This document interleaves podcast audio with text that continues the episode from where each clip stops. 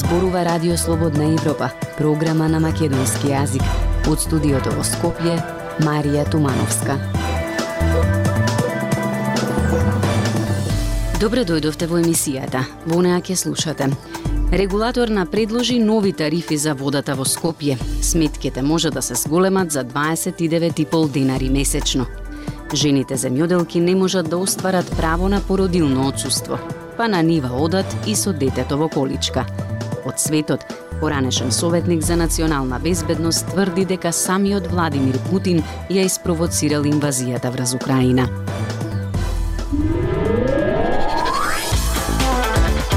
Независни вести и анализи за иднината на Македонија на Радио Слободна Европа и слободнаевропа.мк.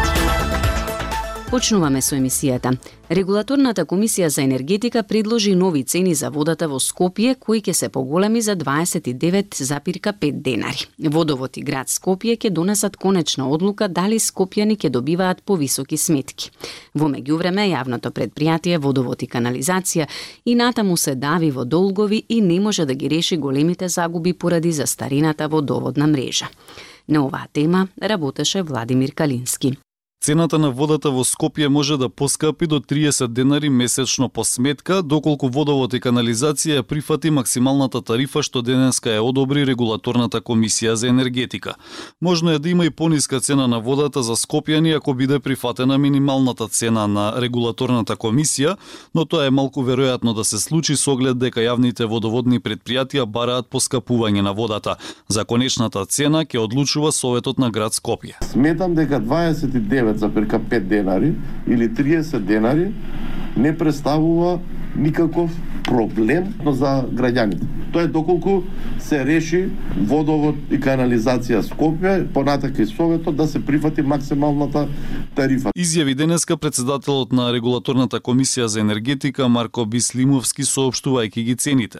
И додека се бара зголемување на сметките за вода на граѓаните, во изминативе години јавното предпријатие Водовод и канализација се соочува со бројни проблеми, како големи загуби на вода поради застарена водоводна мрежа, големи долгови на предпријатието и бројни вработувања по партиски клуч.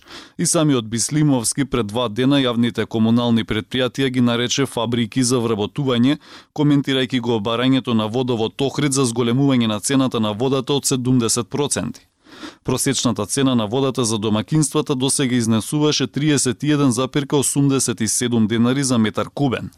Регулаторна денеска одлучи да предложи минимална тарифа за метар кубен од 31,53 денари и максималната тарифа од 34,82 денари за метар кубен, односно за 9% повеќе од сегашната цена. Регулаторната комисија за енергетика во моментов води постапки за цените на водата во Охрид, Кочани, Ресен и Дебар. Повеќето од водоводните предпријатија барањата за поскапување на водата ги поднеле бидејќи имале зголемени трошоци за струја и поради тоа што пресметките ги правеле според берзанската цена на струјата вели Бислимовски, посочувајќи дека во изминатиот период тие обезбедувале субвенционирана струја од ДСМ која изнесувала 95 евра за мегават час. Но еден од главните проблеми на македонскиот водовод се загуби на вода кои стигнуваат од 64% на државно ниво, што значи дека до потрошувачите доаѓаат 36% од вкупните водни капацитети. Со години се укажува на потребата предпријатијата да инвестираат во намалувањето на загубите. Друг аспект се проблемите со издавањето на паушални сметки на граѓаните и нередовното читање на водомерите. Некои граѓани со години не добиваат сметки за вода, а често се случува да бидат исклучени и водата да им биде запрена. Граѓаните се жалат и на бавните процедури со замена на старите броила со нови. Ваквите поплаки стигнуваат и до народниот правобранител, од каде велат дека имаат стотици представки годишно, од кои најголем дел се за нередовното отчитување на водомерите. Радио Слободна Европа, светот на Македонија. Продолжуваме понатаму. Жените земјоделки не можат да остварат право на породилно отсуство. Воопшто не се споменати во законите со кои се регулира породилното, а Министерството за земјоделство повремено носи мерки да им исплаќа помош. Сдруженијата бараат оваа дискриминација да престане со системско, а не со пилот решение. Ивана Стојкова. Моето дете беше оставено само да се гледа во количка, немав кој да го чува, така да наместо да седам дома, јас мораше на нива додам, а детето беше оставено само на себе. Сонја Пусовска од Светомитрани Крушевско се бави со земјоделство од кога знае за себе. Израснала три деца, но за ниту едно од нив не добила никаков надоместок од државата за породилно одсуство, како што добиваат другите жени. Ние што сме жени, речам фармери и жени земјоделки, немаме користено, зашто се соочуваш со финансиски средства, кога ти се најпотребни ги немаш, када за едно дете навистина се потребни. Разочарана е од ваквиот дискриминаторски однос кој што вели ги брка жените од земјоделието. Многу мина од нив или се откажуваат или воопшто не се ни нафаќаат да работат во овој сектор. Пуковска е една од стотици земјоделки во земјава. Според податоците на Сдруженијето за рурален развој Агролидер, 1075 жени се регистрирани како земјоделки. Тие плаќаат пониска стапка за пензиско и здравствено осигурување како дел од афирмативните мерки за земјоделците. Имаат статус на здравствени осигуреници, користат услуги од примарна здравствена заштита, но се иземени од правото на паричен надоместок при раѓање, мајчинство и грижа за дете, а немаат ниту право на паричен надоместок при боледување и повреда на работното место. Станува збор за системска грешка во креирањето на законите, која што одамна е веќе уочена и навистина треба да се најде најоптимално решение, што веќе е понудено, зашто не се бара голема измена на законот, барем во делот на скористење на породилно отсуство и не верувам дека не, не, некој не би сакал да има поддршка за индивидуалните земјоделци, зашто во моментов само тие се обесправени. Граѓанските организации веќе одамна имаат подготвено и конкретни предлози што треба да се измени во законите за земјоделките да ги остварат своите права, но како што велат секоја година се останува само на ветување. Во меѓувреме Министерството за земјоделство неодамна воведе посебна програма со која на жените ќе им биде овозможено 9000 денари месечен приход во траење од 9 месеци. Но според Тошаска ова е само делумно, но не и системско решение. Се надеваме дека оваа година Министерството за труд и социјална политика и Министерството за здравство на вистина ќе ги препознаат индивидуалните земјоделци во системот и ќе им дозволат да пристапат до права. Она што го нуди Министерството за земјоделство, шумарство и водостопанство е мерка за поддршка. Значи правото не е мерка, ние не пилотираме право правото им следува на индивидуалните земјоделци и ние треба да направиме законски измени, тоа хитно, за да може индивидуалните земјоделци да пристапат до правата со оглед на нивниот статус како здравствени осигурени. Од Министерството за земјоделство велат дека тоа е се што може да се направи во рамки нова министерство, а за системско решение велат одговорни се институциите, надлежни за правата од работен однос и здравствено осигурување. Пусос, која што на своја кожа почувствувал оваа дискриминација како мајка жена земјоделка, се надева дека овој проблем ќе се реши за идните мајки и млади земјоделки да имаат повеќе права. Зошто да не издвои државата кога може да се издвојува за не знам некои луксузи, а ова не е луксуз зашто во Македонија веќе младежов се иселе и ова што е барем да ги задржи мајките, да не се откажуваат од мајчинство. Порачува Пусоска. Слободна Европа. Следете на на Facebook, Twitter и YouTube. Од навреди кои алудираат на машкоста на премиерот до тоа дали пратениците користат дрога, преку мерење на интелигенција па до семејни врски и говор на омраза. Ова е само дел од темите за кои се надвикуваа пратениците во изминативе денови, а според поранешните пратеници се само показател за политичката некултура и опаѓање на квалитетот на парламентарниот состав. Зорана Гажовска-Спасовска. Од навреди кои алудираат на машкоста на премиерот, до тоа дали пратениците користат дрога, преку мерење на интелигенција, па до семени врски, криминални групировки и говор на омраза. Ова се само дел од темите за кои се надвикуваа пратениците во изминативе десетина дена од собраниската говорница, додека јавноста чекаше да бидат избрани новите министри кои треба да ги вратат во функција обезглавените министерства. Поранишните пратеници со кои разговаравме се разочарани од нивото на култура кои нините наследници избрани од народот ги презентираат од собраниската говорница. За поранешната пратеничка од редовите на ВМРО ДПМН во два мандати во 90-тите, Јулистана Марковска. Нивото на дискусија е на толку ниско ниво што наликува на недостиг на домашна култура во најмала рака. Заради тоа што колку е понекултурен или колку условно речено ќе искаже навреди за представникот од најчесто противната противничка страна, толку тој себе си или во очите на партиските водачи се гледа како некој јунак или како храбар и смел. Меѓутоа, кај широкиот граѓански слој, зборува за една општа некултура. Минатата година, кога претениците во периодот по летните одмори до почетокот на годинава дебатирале за закони за владење на право, човекови права и демократија, една третина од претениците кои застанале зад говорницата немале ниту еден аргумент во рака. Ова го покажува истражувањето на Институтот за демократија. Во него е нотирано дека само 7% од говорниците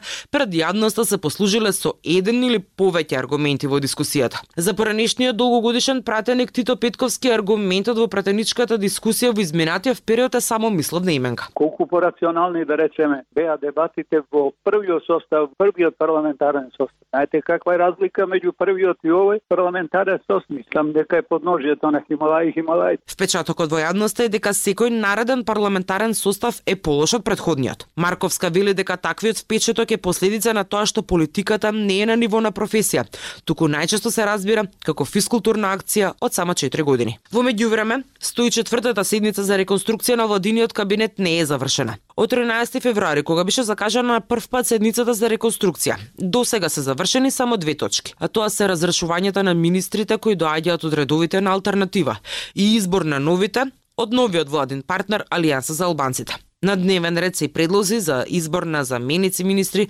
во Министерствата за одбрана, земјоделство и образование. Актуелности свет на Радио Слободна Европа.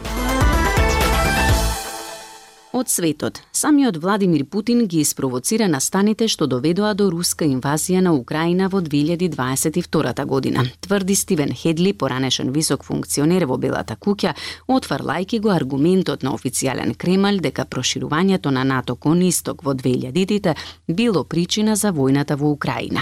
Во интервју за Радио Слободна Европа тој вели дека НАТО не представува закана за Русија и дека Москва со години била задоволна од соработката со Алија алијансата. Во говор пред руската јавност, една година по најголемата купнена војна во Европа од Втората светска војна, рускиот председател Владимир Путин ги повтори долгогодишните поплаки за западните политики кон Москва во децениите по распадот на Советскиот сојуз. Тој посочи дека НАТО и неговите врски со Украина представуваат зголемена закана за Русија. Стивен Хедли, кој 4 години беше советник за национална безбедност во Белата куќа за време на председателот Џорџ Буш, ги отфрла коментарите на Путин, тврди дека НАТО не представува закана за Русија и дека Москва со години била задоволна од соработката со Алијансата. Направени се напори за да стане јасно дека Русија е прифатен дел од Европа и дека НАТО не е закана за Русија и НАТО сака конструктивен однос со неа, вели Хедли во интервју за Радио Слободна Европа. Историчарите и академиците долго дебатираа за образложението за проширувањето на НАТО, а во некои случаи го доведоа во прашање неговото проширување кон исток. Од своја страна, руските официјални лица изразија отворено сомневање, па дури и се прашуваа зошто Сојузот од времето на студената војна повеќе не е потребен. За време на Путин сомнежите прераснаа во отворени осуди и тврдења дека Вашингтон и неговите сојузници ја измамиле Москва. Особено Русија изрази гнев поради ветувањето на НАТО на Украина и Грузија дека тие еден ден ќе станат членки од Алијансата. Од 2008 година прашањето за пристапување на Украина и Грузија во НАТО беше на вистина надвор од официјалните разговори и остана така до 2014 кога Русија првпат ја нападна Украина. И тоа потоа го испровоцира токму она што русите велат дека не го сакале. Токму таа инвазија го врати на маса прашањето за членството во НАТО и начинот на кој НАТО ќе им помогне и ќе ги поддржи Украина и Грузија, вели Хедли. Иако реакцијата на Путин во тоа време беше одмерена, предмет на уште една долгогодишна поплака на Кремљ е одлуката на САД во 2002 година да се повлечат од големиот договор за контрола на вооружувањето, договорот за антибалистички проектили. Администрацијата на Буш тврдеше дека пакетот ја попречува способноста на САД да развијат ракетна одбрана за да се заштитат од новите закани од Северна Кореја и Иран и дека повлекувањето немало намера да ја подкопа Русија. Во интервјуто Хедли тврди дека Путин на самиот почеток ги прифатил гаранциите на САД. Хедли, кој што туку објави книга со детали за некои од белешките на националната безбедност, вели дека ги прифаќа критиките од и администрациите на САД, вклучително и онаа во која служел, направиле одредени грешки во нивните договори со Русија. Толку во оваа емисија ја да слушавте програмата на македонски јазик на Радио Слободна Европа. Од студиото во Скопје ве поздравуваат Дејан Балаловски и Марија Тумановска.